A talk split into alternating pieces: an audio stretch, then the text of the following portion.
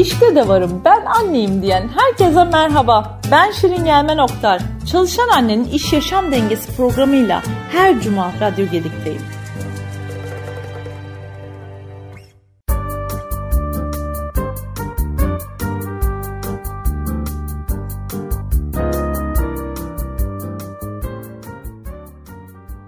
Herkese merhaba. Yaz aylarında birazcık ara vermiştim. Bir 3 hafta kadar olmuştu sizinle görüşmeyeli. Ama bu hafta bomba gibi bir konuklayım. Ee, bomba gibi derken önce tanışma hikayemizi anlatıp sonra ismini söyleyeceğim. Çünkü benim için kıymetli.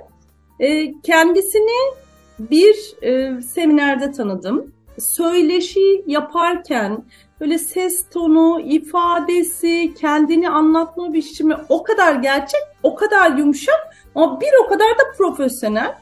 Dedim ki işte çalışan anne kimdir? E, dengeyi kim sağlamıştır? Bu sorunun peşindesin ya. İşte bu soruyu karşılığında vücut bir, bulmuş biri var karşında. E, ve kendisi Nilüfer Adli Özeren. Hoş geldin öncelikle. Hoş bulduk. Ya o kadar e, e, şu an çok heyecanlandım çünkü çok e, değişik ve güzel bir tanıtım oldu. Çok teşekkür ederim bu tanıtım için öncelikle Şirin. E, çok mutluyum e, burada olduğum için. Seninle tanıştığım için çok ayrı ayrı mutluyum zaten. Çok teşekkür ederim beni davet ettiğin için. Ben teşekkür ederim. Şimdi herkese sordum. İlk soru var. E, sen o ilk sorunun yanıtını ne kadar uzatırsan ben o kadar diğer soruları sorabileceğim. Meraktayım. Herkes kendini farklı türde tanımlıyor ama çalışan anne kimliğiyle hem çalışan kimliğini hem anne kimliğiyle Nilüfer kimdir? Ee, yani o kadar anlamlı bir soru ki ben tabii senin diğer yayınları da dinlediğim için bu soruyu e, bence bu programın böyle ana damarı gibi o kadar önemli bir soru ki bu. Çünkü zaten ben böyle kimlik konusuna çok takık ve bu konuyu çok seven biriyim. Şimdi dedin ya uzun konuş diye. Yandım bu, bunu dediğin için zaten. Ee, şimdi ya kimlik o kadar güzel bir şey ki, o kadar sihirli bir şey ki. Neden? Çünkü kimlik Düşünsene yani bu bence bir ins- insanoğlunun çok büyük bir armağanı. İstediğin kadar çoğaltabilirsin kimliğini. Çoklayabilirsin. Va- var olan bir kimliğini de istediğin kadar geliştirebilirsin. Bu tamamen sana bağlı. Dolayısıyla bir sürü kimliğinin olmasının avantajı bu ve bence inanılmaz güzel bir e, özgürlük veriyor. Öyle bir his veriyor. Yani düşünsene doğuyoruz işte ne oluyor? Çocuk kimliğiyle doğuyorsun. Yani şimdi zaten kimliğin kökenine, identity'nin kökenine baktığında aslında tekrarlı varoluş. Evet. Ee, yani bu bazen bir şeyleri tekrarlayarak olduğu gibi bazen tekrarlamadan zaten biliyorsun ki çocuk olarak doğdun ya evet. ilk doğduğun andan itibaren çocuk kimliğini aldın. İlerleyen dönemde zaten tekrarlayacaksın. Aynen. Dolayısıyla bütün bu süreci böyle ele aldın işte bak çocuk olarak doğdun çocuk kimliğiyle geldin. Sonra hayatının çok önemli ve uzun bir bölümünde öğrenci kimliğini yapıştırdın üstüne. Evet. Sonrasında arkadaş kimliğini giydin ki o işte öğrencilik döneminde senin için çok kıymetli oldu. Hatta yani neredeyse ailenin bile önüne geçirdin o e, arkadaş kimliğini. Evet. Ee, işte sonra derken zaman ilerledi, sen mezun oldun. Zaten bütün okul hayatın boyunca iş hayatına hazırlandığın için artık hazırsın. Kim tutar seni? Oldun bir iş insanı, o kimliğini büründün, çalışan kimliğini aldın. E, bu ara yavaş yavaş böyle işte o sevgili kimliğinden çıkıp eş kimliğine büründün. E, bunların hepsini çok kolay sahiplendin. Hepsini aldın. Şimdi o eş kimliğini büründükten sonra bir adım daha geldi. O adım işte anne kimliği. Şimdi o anne kimliği sen onu çok güzel alıyorsun üstüne aslında. Ya bence bu arada anne kimliğinin e, o öğrenci kimliğinden, eş kimliğinden falan bana göre hiçbir farkı yok. Tek farkı çevre. Çünkü sen her ne kadar bu kimliği e, genlerinde de var nihayetinde. Yani sen içinde hatta sen, co- yaşadığımız coğrafya gereği eş ve anne olmayı zaten çocukluğumuzdan beri oyunlarımıza dahil ettiğimiz için e, çok hazırız buna zaten. Ama anne kimliğini sen üzerine giydiğin zaman çevre, çevreyle kastım çalışma, iş hayatı, böyle altına kalın kalın çizeyim. İş hayatı o kadar da kolay kabul etmiyor. Sen evlenip ertesi gün işte bir hafta sonra işe gittiğinde her şey normal akıp giderken sen annelik izninden döndükten sonra hiçbir şey o kadar da normal akmıyor. Bir anda bakıyorsun ki işte e, yöneticinin tavrı değişmiş, çalışma arkadaşlarının tarzı değişmiş sana karşı. Sanki e, sen aklını doğumla birlikte bırakmışsın gibi davranmaya başlıyorlar. Şimdi bu çok önemli ve bence hakikaten kritik bir şey. Yani hatta işte e, bebeklerini genelde çok küçük bırakmalarının sebebi birçok insanın bu aslında. Çünkü zannediyor ki o hamilelik döneminde el üstünde tutulan kişi, Nilüfer her kimse, e, işte yöneticisini arayıp daha bebeğinin çok küçük olduğunu söylediğinde, işte biraz daha ben ücretsiz izin kullanabilir miyim dediğinde böyle yöneticisi kucağına onun pat diye sorumsuzluğu bırakıyor. Sanki o kişi bir anda işle ilgili sorumsuz kişi oluyor. Zaten lohusalıkla boğuşan kadın bir de bununla uğraşmaya çalışıyor. O yüzden yani günün sonunda aslında şey var e, Şirin bence annelik kimliği diğer hiçbir kimlikten bana göre farklı değil. Yani ben çünkü aynı zamanda hepsini bir aynı anda yapabiliyor. Her insan yapıyor. Kadına özgü bir şey de değil bu nihayetinde de. Kadına özgü bir annelik bir tık daha belki babalıktan farklıdır. Ee, ama annelik kimliğinin eş kimliğinden, işte çalışan kimliğinden falan hiçbir farkı yok. Çünkü sen kendini aslında e, hepsini düzenleyebiliyorsun. Hepsine olması gerektiği zamanı zaten ayırıyorsun. Çalışırken o anda anne değil misin? Annesin. Ya da çocuğunla ilgilenirken o anda bir iş kadını değil misin? İş kadınısın. Bunların hiçbiri birbirinden ayrı değil.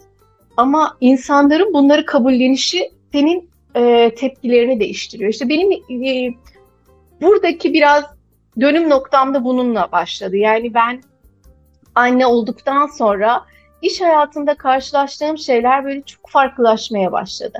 Onun öncesinde aynı çalışkan, aynı sorumluluk sahibi Nilüfer, sonrasında da aynı çalışkan, Hı. aynı sorumluluk sahibi Nilüfer. E, fakat karşılaştığım tepkiler o kadar farklılaştı ki benim yavaş yavaş bir dakika bu böyle olmamalı dediğim bir noktaya gelmeye başladı. Ondan sonra kendime zaten biraz daha farklı bir yol çizmeye başladım. E, bunu bu arada hani e, şey olarak söylemiyorum. Bu o kadar garip bir durum ki sadece e, erkekler tarafından da değil. Hani bu durumu hiç yaşamamış birinden değil. İşin kötüsü zamanında anneliği yaşamış diğer kadınlar üzerinden bu baskıyı hissetmek bence en rencide edici, en rahatsız edici şey. E, dolayısıyla hani ben işte o dönem doğum yaptım. E, Allah'tan işe döndüm. iki ay sonra pandemi oldu. eve geldik. Hoş o Allah'tan iyi bir şey mi çok da emin değilim şimdi. Çünkü eve geldikten sonra iki ay sonra eve döndüm. Oğlum daha çok küçük. İşte eşim de evden çalışıyor. O dönem pandemi sebebi o evde. İşte ben evdeyim. Bebek evde, bakıcı evde, kedimiz evde falan derken ev bir kaos. Ama bir şekilde biz o süreci işte atlatıyorsun, yapıyorsun ama e, orada kendinden de ödün veriyorsun. Şimdi işle ilgili çalışan bir kadın olarak hiçbir şeyi kenara bırakmayıp diğer tarafları da işte çalışıyorum, aynı zamanda eve yetişiyorum, aynı zamanda işte bu arada e, ben bir daldan dala atlıyorum şimdi beni durdur ama bu arada şunu da söylemem lazım. Yani ben e, bence e, burada eşin rolü çok önemli. Yani destekçi falan değil. Destek değil oradaki konu, iş bölümü. E, benim kadar onun da o sürecin içerisine dahil olduğu bir süreçten bahsediyorum ki ben ona rağmen çok yorulduğum bir süreçti. E, dolayısıyla hani o sürecin içerisinde ben evet anne rolümü üzerime aldım, anne kimliğimi üzerime aldım. Çok mutluyum bunu aldığım için. Ama çalışan kadın kimliğimi de bırakmadım. E, ama bırakmamak için çok mücadele ettim. İşte bu mücadeleyi vermek e, kısmına şu anda da mesela kendi e, adıma işte çevremde daha sonra başka bir pozisyonda bir ekibimle birlikte ekibi de yürütürken hep buna dikkat etmeye çalıştım. Çünkü bir kimliği üstüne aldığı zaman herhangi biri başka bir kimlikten vazgeçmek zorunda değil. Evet. İkisini de aynı performansta yapabilir. Bunu gerçekten biz farkında olalım ki e, çevreyi de bunu alıştıralım. Çünkü bunun alışılmaya ihtiyacı var.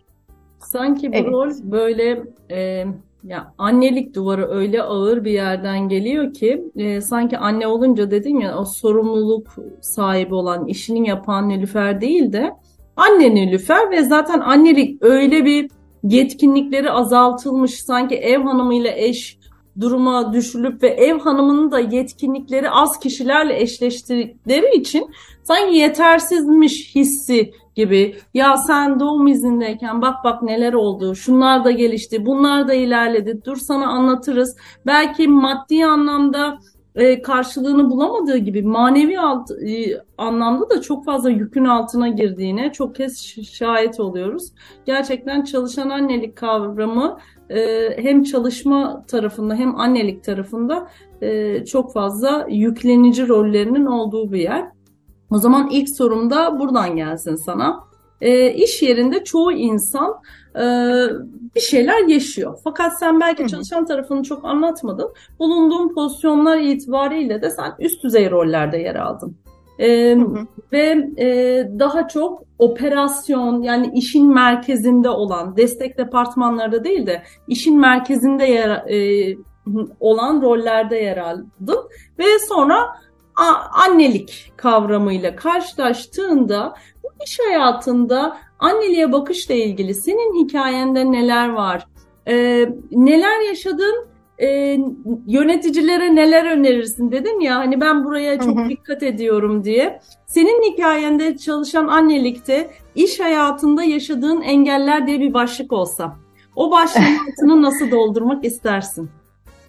E, Valla şey o başlığın altını böyle uzun uzun doldururum ama çok özet e, biraz anlatmaya çalışayım. E, şimdi şöyle aslında o başlığın altında en başta herhalde e, empati ve anlayışı koyarım. Çünkü e, benim yaşadığım zorlukların en başında bu empati yoksunluğu, anlayış yoksunluğu geldi. Tabii ki iş, oda, işin yürütülmesi tabii ki çok evet. kıymetli. Yani sonuçta e, mevcut işte şirketlerde her birimizin bir pozisyonu var, bir görevi var ve amacımız o görevi idame ettirmek ve en doğru şekilde yapmak. Şimdi bunu zaten yapıyorken, bunu en doğru şekilde yapıyorken ee, üzerine sanki çünkü öyle bir ön yargı var ki ön yargıları kırma kısmı zaten çok büyük sıkıntı. Ee, acaba bunun daha iyisi olabilir miydi diye düşünüyor karşısı. Yani acaba Nilüfer anne olmasaydı bunun daha iyisini yapar mıydı? Hmm. Şimdi bu herkes için ben anne olmuşum olmamışım hmm. hiç onunla ilintili değil. Herkes her şeyin iyisini elbette ki yapabilir. Ee, ama bizdeki ön yargı işte anne ise zaten bir kadın olarak iş hayatında e, yani bunu hiç böyle şey olarak e, söylemiyorum böyle duygusal bir tarafla söylemiyorum. Çok objektif baktığımı da düşünüyorum bu konuya. Bir kadın olarak iş hayatında zaten daha fazla zorlukla karşılaştığımız çok kesin. E, daha adaletsiz bir e, düzenle çalışmak zorunda olduğumuz çok kesin zaten. Hani bu e, herkes için çok e, aynı kavramlar. Benim çevremden duyduklarım ve tabii ki yaşadıklarım. Bir de üstüne annelik gelince orada işte en kritik nokta ben burada mesela e, şeyi daha çok e, önemsiyorum. Çok enteresan. Herhalde erkekler eşlerinden bu durumu görüp daha çok benimsiyorlar ve e, daha çok e, sahipleniyorlar bu konuyu ve daha anlayışla yaklaşıyorlar. E, ki ekstra anlayış beklemememize rağmen. Ama bir kadın ben anlayışla kastım da bu arada ah anlayış göstersin bugün o işi yapamadım görmezden gelsin değil. Anlayışla kastım bu çok önemli. Anlayışla kastım aslında e, var olan düzenin devam ettiğini, zaten var olan en iyi şekilde en iyi işlerin yapıldığı ve maksimumun, optimumunun benim deneyimimde bu olabileceğinin farkına varılması. Yani öndeki o e, gö, görü, çünkü bazen bakarken aslında tam görmüyoruz ya çünkü kafamızın içerisindeki şeyler görmemizi engelliyor. İşte yöneticilerde çoğunlukla bu oluyor. E, o kafasındaki şeyler gerçeği görmesini engelliyor ve empati tarafı orada çok sıkıntı. Dolayısıyla hoşgörü ve empati herhalde bence her alan için geçerli ama iş hayatı için ben her şekilde en başa koyarım bunu Şirin. Şimdi sen bunu anlatınca daha çok yeni olduğu için anlatmak istedim. Bu pazartesi günü bir danışanım yanıma geldi. Hafta sonu o kadar kötü bir hafta sonu geçirdim ki dedi. Çocuklarım hastaydı ve bir toplantıya girdim. Çocuklarım hasta. Ee, biraz uykusuzum e, dedim. Ve sonrasında toplantının böyle e, 30 dakikası geçtikten sonra hatalı bir rakam çıktı. Fakat rakamın hatalı çıkmasının benimle uykusuz olmamla ne çocuklarımın hasta olmasıyla alakası yok. Rakam zaten bize diğer paydaştan verilen bir şey ve ben oraya yazdım. Yani bunun doğrusunu yanlışını da bilemem. Yani o paydaş onun hesabını verecek. Ve bir anda bir baktım toplantıda bütün oklar bana çevrildi ve e, benim o numarayı, o rakamı yanlış yazdığım söylendi. O anda öyle kendimi kötü hissettim ki e, ya ben onu yazmadım diyemedim, uykusuzum diyemedim ve ne yapacağımı şaşırdım. Annelik bu kadar kötü bir şeymiş Şirin Hanım e, diye geldi. E, anne olduğumu söylememeli miyim? Acaba ben çocuklarımın uykusuz olduğunu söylememeli miyim? Acaba trafikte kaldım mı demeliydim? Ya da bu açıklığı yapmamalı mıyım? Bu bir profesyonellik e, algıla gibi algılanmıyor mu? Ben profesyonel duruşa anne olduğum için yorgun olduğumu söylememeli miyim? Ben bunu öğrendim. Bundan sonra söylemeyeceğim diye bir böyle kararla e, çıktı koşuktan. E, gerçekten e, onu böyle tarafsız bir tarafla dinlerken koşuk bittikten sonra kendi adıma da çok düşündüm. Hani biz kadınlar böyle açık olmayı, samimi olmayı, e, genellikle içimizde biriken bir şeyi, görünen bir şeyi dışarıyla paylaşmayı çok severiz ama zaman zaman o paylaşmanın dozu, ortamı da çok çok önemli herhalde. Onu da anlıyorum. Kesinlikle empati ve hoşgörüye ben de yüzde yüz katılıyorum. Evet yani o mesela e, anlattığın şey o kadar e, önemli, o kadar kıymetli ki hata yapmak diyorsun ya Şirin. Aslında bir taraftan da bu dönüp okları ona çeviren yöneticilerin hepsi dönüp tek tek onlarla konuşsan derler ki hata yapmak çok önemli bir çalışan için yapacak ki öğrenecek derler. Ama iş bir annenin hata yapmasına geldiğinde e, böyle imalı sözler, güya espri altındaki imalı sözler falan bolca duyulur maalesef. E, çok şey çok e, talihsiz. Çok talihsiz. Aynen öyle. Evet merakla bekliyorum kendi sorumu şu anda. Evet şimdi e, konuşurken benim de aklıma geldi öyle bir soru. Sanki öyle bir ortam hayal ettim. E, şimdi farz edelim ki şimdi annelik izninin bitmesinden falan bahsettik ya. Annelik izni bitecek, bitmiş olan, çok yeni bitmiş olan bir grup kadınla bir aradasın. Ve e, o kadınla böyle havadaki şeyi soluyorsun, endişeyi, kaygıyı ve tabii biraz bebeklerini bırakacak olmanın hüznünü de soluyorsun. Çok bariz bir şekilde havada evet. o asılı duruyor. Böyle bir ortamda konuşmacısın, konuşacaksın, bir şey söyleyeceksin. Söyleyeceğin en önemli, en kritik şey ne olurdu onlara? İlk kelime çocuğunuzu kimseye emanet etmiyorsunuz. Paranızı, evinizi emanet etmediğiniz bir yerde çocuğunuzu da kimseye emanet etmiyorsunuz diye başlardım. Bir kere emanet kelimesini lügatınızdan çıkartın. Ee, İkincisine de şunu söylerdim. E, çalışan tek anne, çocuğunu tek bırakan anne siz değilsiniz. Mutlaka bir çözümü var. Yüzde yüz güven diye bir şey yok. Kimse senin kadar iyi bakamaz ama elindeki şartlarla e, çocuğuna en iyi destek olabilecek kim? Sana güven sağlayabilecek, çocuğunla güvenli ilişki kurabilecek kim? Şimdi bazen çok şey istiyoruz. Ama benim gibi mama saatinde vermiyor. İşte şeyden baktım e, kameradan baktım olmuyor. Ya anneme o kadar dedim o saatte uyutma diye. Annem beni dinlemiyor. Bakıcıya dedim ki mutlaka bunları bunları bunları yapsın diye. Üçünü yaptı beşini yapmadı. Şimdi bir kontrol firik bir anne olmak bu süreçte bizi paralar, yaralar, üzer, yıpratır. E, bir tek annelik e, ile olan ilişkimizi değil, kendimizle olan ilişkimizi, çocuğumuzla olan ilişkimizi, eşimizle olan ilişkimizi. Çünkü e, checklist atmaya çalışan bir anne olmayın diyorum ben. E, sadece güven odaklı. Şu anda çocuğum emin ellerde mi? Güvenli ve sevgi dolu bir ortamda büyüyor mu? Ben bunu nasıl yaratabilirim? Benim gibi bakmıyor, benim gibi değil cümlesinde çıkarsınlar. En çok bunları söylerdim herhalde Nilüfer. Bu çok, çok kritik. Evet, kesinlikle çok kıymetli. Ağzına sağlık. Sağ olasın. Ee, böyle bir anda kendimi orada da hissettim. Çünkü bu soru bana özellikle seminerlerde çok gelir. İçim sızlıyor, uykularım kaçıyor, ne yapacağım? Ee, evet o uykular kaçacak. Evet, evet için evet. sızlayacak. Bunlar da normal, anormal değil. Evet. Ama bu evet. bir e, emanet e, kavramıyla eş değerde değil. Bu emanetlik değil. Bu işin bir parçası, bu sürecin bir parçası. E, bu, buna da inanmak gerekiyor. Yapılan araştırmalar işe ara veren annelerin özellikle ikinci çocuktan sonra dört kadından biri işe ara veriyor. Ama yüzde 63'ü tekrar işe dönmek istiyor. Yani bu böyle de bir gerçek var. Ben lohusalık dönemi insanın üretkenliğiyle yüzleştiği bir dönemdir. Gerçekten üretmeyi seviyorsanız üretme şeklinizi değiştirebilirsiniz. Ama üretmeden evde sadece e, anne ve çocuk ilişkisinde kaldığınız zaman bazen fiziken olabiliyorsunuz ama ruhen olmuyorsunuz. O zaman yine beslenemiyor çocuk sizden. O yüzden o ruhen o ilişkiyi verebileceğiniz ortam neyse onu sağlayın. e, derim. E, buradan da demire yol aç böyle yelkenle hızlı bir e, yelkenle gidelim. Evet demir e, böyle hayatına geldiği noktada senle sohbet ederken ya biraz böyle yaş olarak ben geç anne oldum e, kelimesi Doğru. duydum.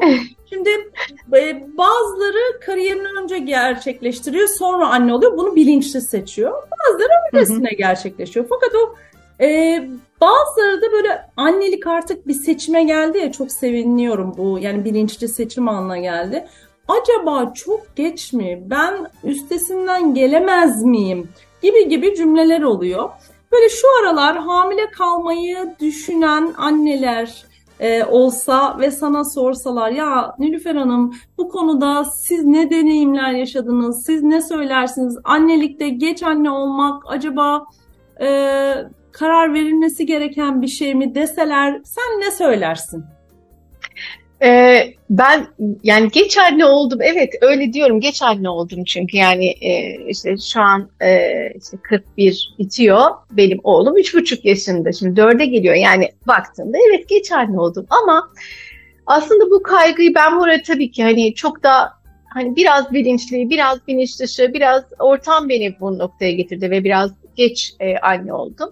Fakat hiç de öyle kaygılanacağım bir durum değil aslında. Hı hı. Dolayısıyla bana bu soru gelse çok net şunu söylerim Şirin. Gerçekten anne olmak istiyorsan hakikaten yaşın bir önemi yok. Çünkü e, bu bir tercih de olabilir. Ben önce kariyerimi yapayım. Çünkü benim şans öyle geldi. Önce hı. kariyerim olmuş oldu ve sonra ben anne oldum.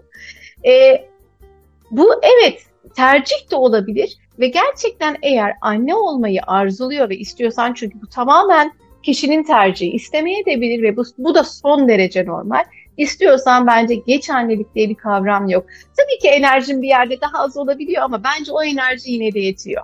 Ee, bir kere şu anda sahip olduğum bilgiyle, donanımla, şu anda bütün bu okumuş olduğum bütün kitaplarla, bütün bilgilerle Demir'e daha farklı şeyler öğretiyorum. Belki bundan işte 10-15 e, sene önce anne olsaydım daha başka şeyler verecektim. Ama şu anda ona verdiğim şeyler bence onu farklılaştırıyor. Farklılaştırıyor derken ihtiyacı olanı yine de verdiğimi evet. düşünüyorum özünde. Ee, ve aslında zaten her birimizin yetiştirdiği çocuğun birbirinden farklı olmasının sebeplerinden bir tanesi de bu. Hiçbirimiz geçir, hepimizin geçirdiği evreler çok farklı ve hepimiz o geçirdiğimiz farklı evreler esnasında çocuk sahibi olabiliyoruz ve ve biz de aslında onunla büyüyoruz, gelişiyoruz. Yani ben demir öncesi ve demir sonrası diye kendimi de ikiye ayırırım. Ee, kendime kattıklarım demir sonrasında çok daha farklı. Yani şunu da altını çizmek istiyorum. Annelik, e, bu annelik güzellemesi de değil bu arada ama bence üretkenliği de arttırıyor. Benim üretkenliğimi arttırdı en azından. Evet. Ee, ben anneyken aynı zamanda okul okudum. Yani bir taraftan işte anneyken bir şirketin genel müdürlük görevini yürüttüm.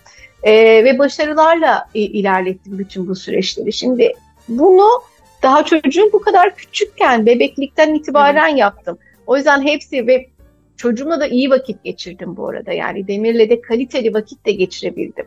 O yüzden diyorum işte annelik böyle sadece dışarıdan o annelik kimliği nedense bir farklı görünüyor ama içeride aslında annelik kimliği hepimizde o kadar güzel oturuyor ve o kadar güzel onu yerli yerine koyabiliyoruz ki o yüzden aslında çok bunun yaşı yok e, Şirin. Evet e, yaşı yok, düzeni yok. Geçen gün bir e, Hakan eşim e, bir arkadaşından bahsediyor. 27 yaşında çocuğu var dedi. Nasıl ya? Dedim bizde yaşıt 27 yaşında. Aa, çok erken değil mi? Dedi. Bak ilk bu konularla çalışan sonra çok erken değil mi çıktıktan sonra e, ama dedi onlar da dedi yani erken evlilik oluyor onların aile yapısında deyince ben bir anda dedim ki ya kime göre erken kime göre geç. Şu anda baktığında da 27 yaşında evet. bir çocuğum yanımda olsa yani dünya turu yaparım onunla dedim. Yani ne kadar e, ilginç Tabii. geldi bana. E, Valla bravo dedim. E, çok değişik geldi.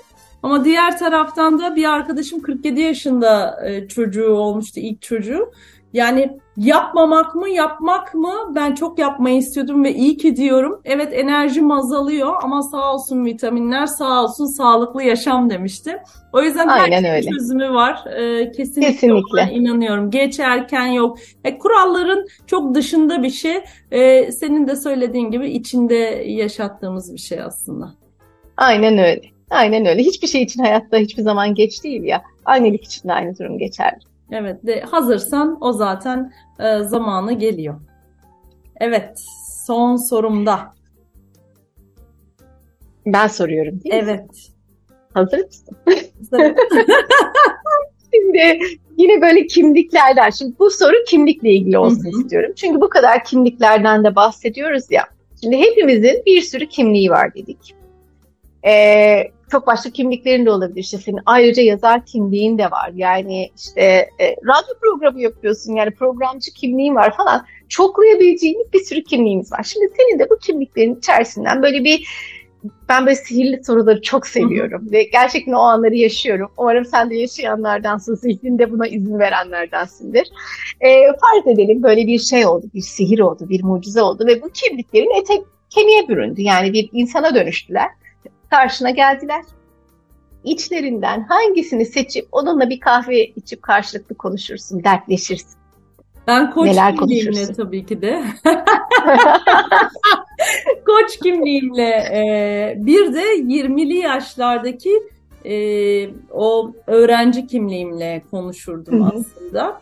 Çünkü e, koç kimliğimle çünkü o koçluğu yaparkenki tutkulu Şirin'e baktığımda çok tutkuluyum ben işime karşı. Ee, onu daha çok tanımak ve onun tutkusunu her kimliğe bulaştırmak isterim.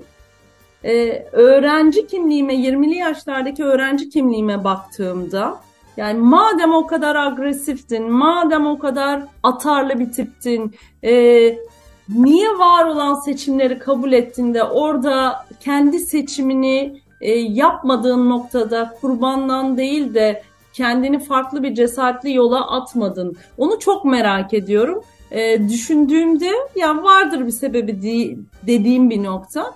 Ama böyle ben fen matematikten e, girmiştim ama normalde dilden girmiştim sonra fen matematik sonra fen matematikte e, babamla birlikte İTÜ gemi güverteyi yazamazsın deyince ben de tercihlere bir kala TM tercihi yapıp Uludağ İktisatı kazandım ki yani %70 puanla çarpıldı gibi gibi.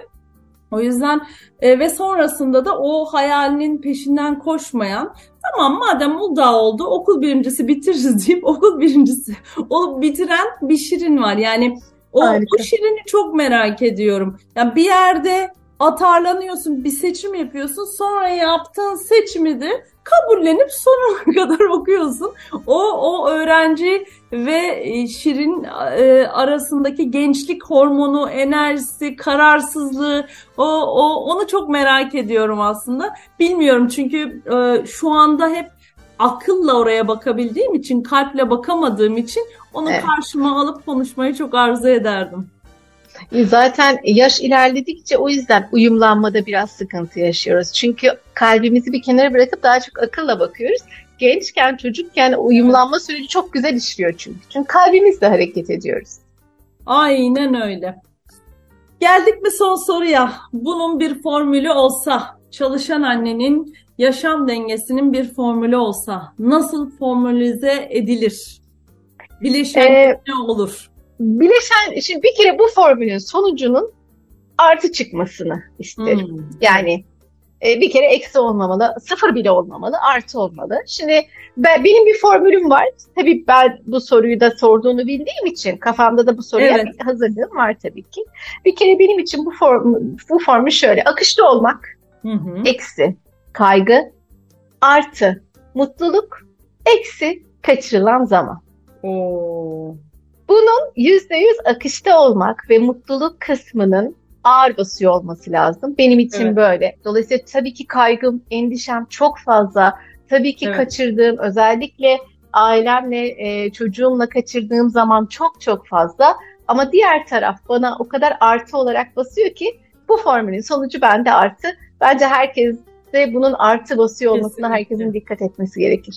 Şimdi kaçırılan zaman dedim beni iktisatla konuşunca fırsat maliyetine götürdü. Yani e, gerçekten öyle bazen fırsatlar var ki o fırsatları e, kaçırıyoruz. O fırsat maliyetini. Yani bir evet. şeyi seçerken, bir şeye evet derken acaba hayatımızın geri kalanında neye hayır diyoruz. E, evetlerimiz büyüktür hayırlarımızdan olduğu zaman bir de akışta kaldığımız zaman zaten o anın içerisinde mutluluk da geliyor, kaygı da görünür e, olmaktan çıkıyor. Çünkü çıkıyor. zaten akıştasın e, ve öyle güçlü evet demişsin ki e, Kesinlikle. sesi kısılmış. Harika. Kesinlikle. çok çok çok teşekkür ederim. E, gerçekten su gibi aktı. E, özellikle gerçekten, bu evet. Olup böyle tüm soruları anda yaratmamıza bayılıyorum. Hani nasıl çıkacak diyorum her seferinde karnım bir tık ağrıyor ama sohbetin içinde öyle güzel sorular çıkıyor ki. Çok çok teşekkür ederim. İyi ki geldin. Ben çok teşekkür ederim davet ettiğin için. E, gerçekten zaman nasıl geçti hiç anlamadım. Çok keyifliydi. Ee, harikaydı. Tek, tekrar tekrar teşekkürler. Teşekkür ederim. Haftaya Cuma görüşmek üzere.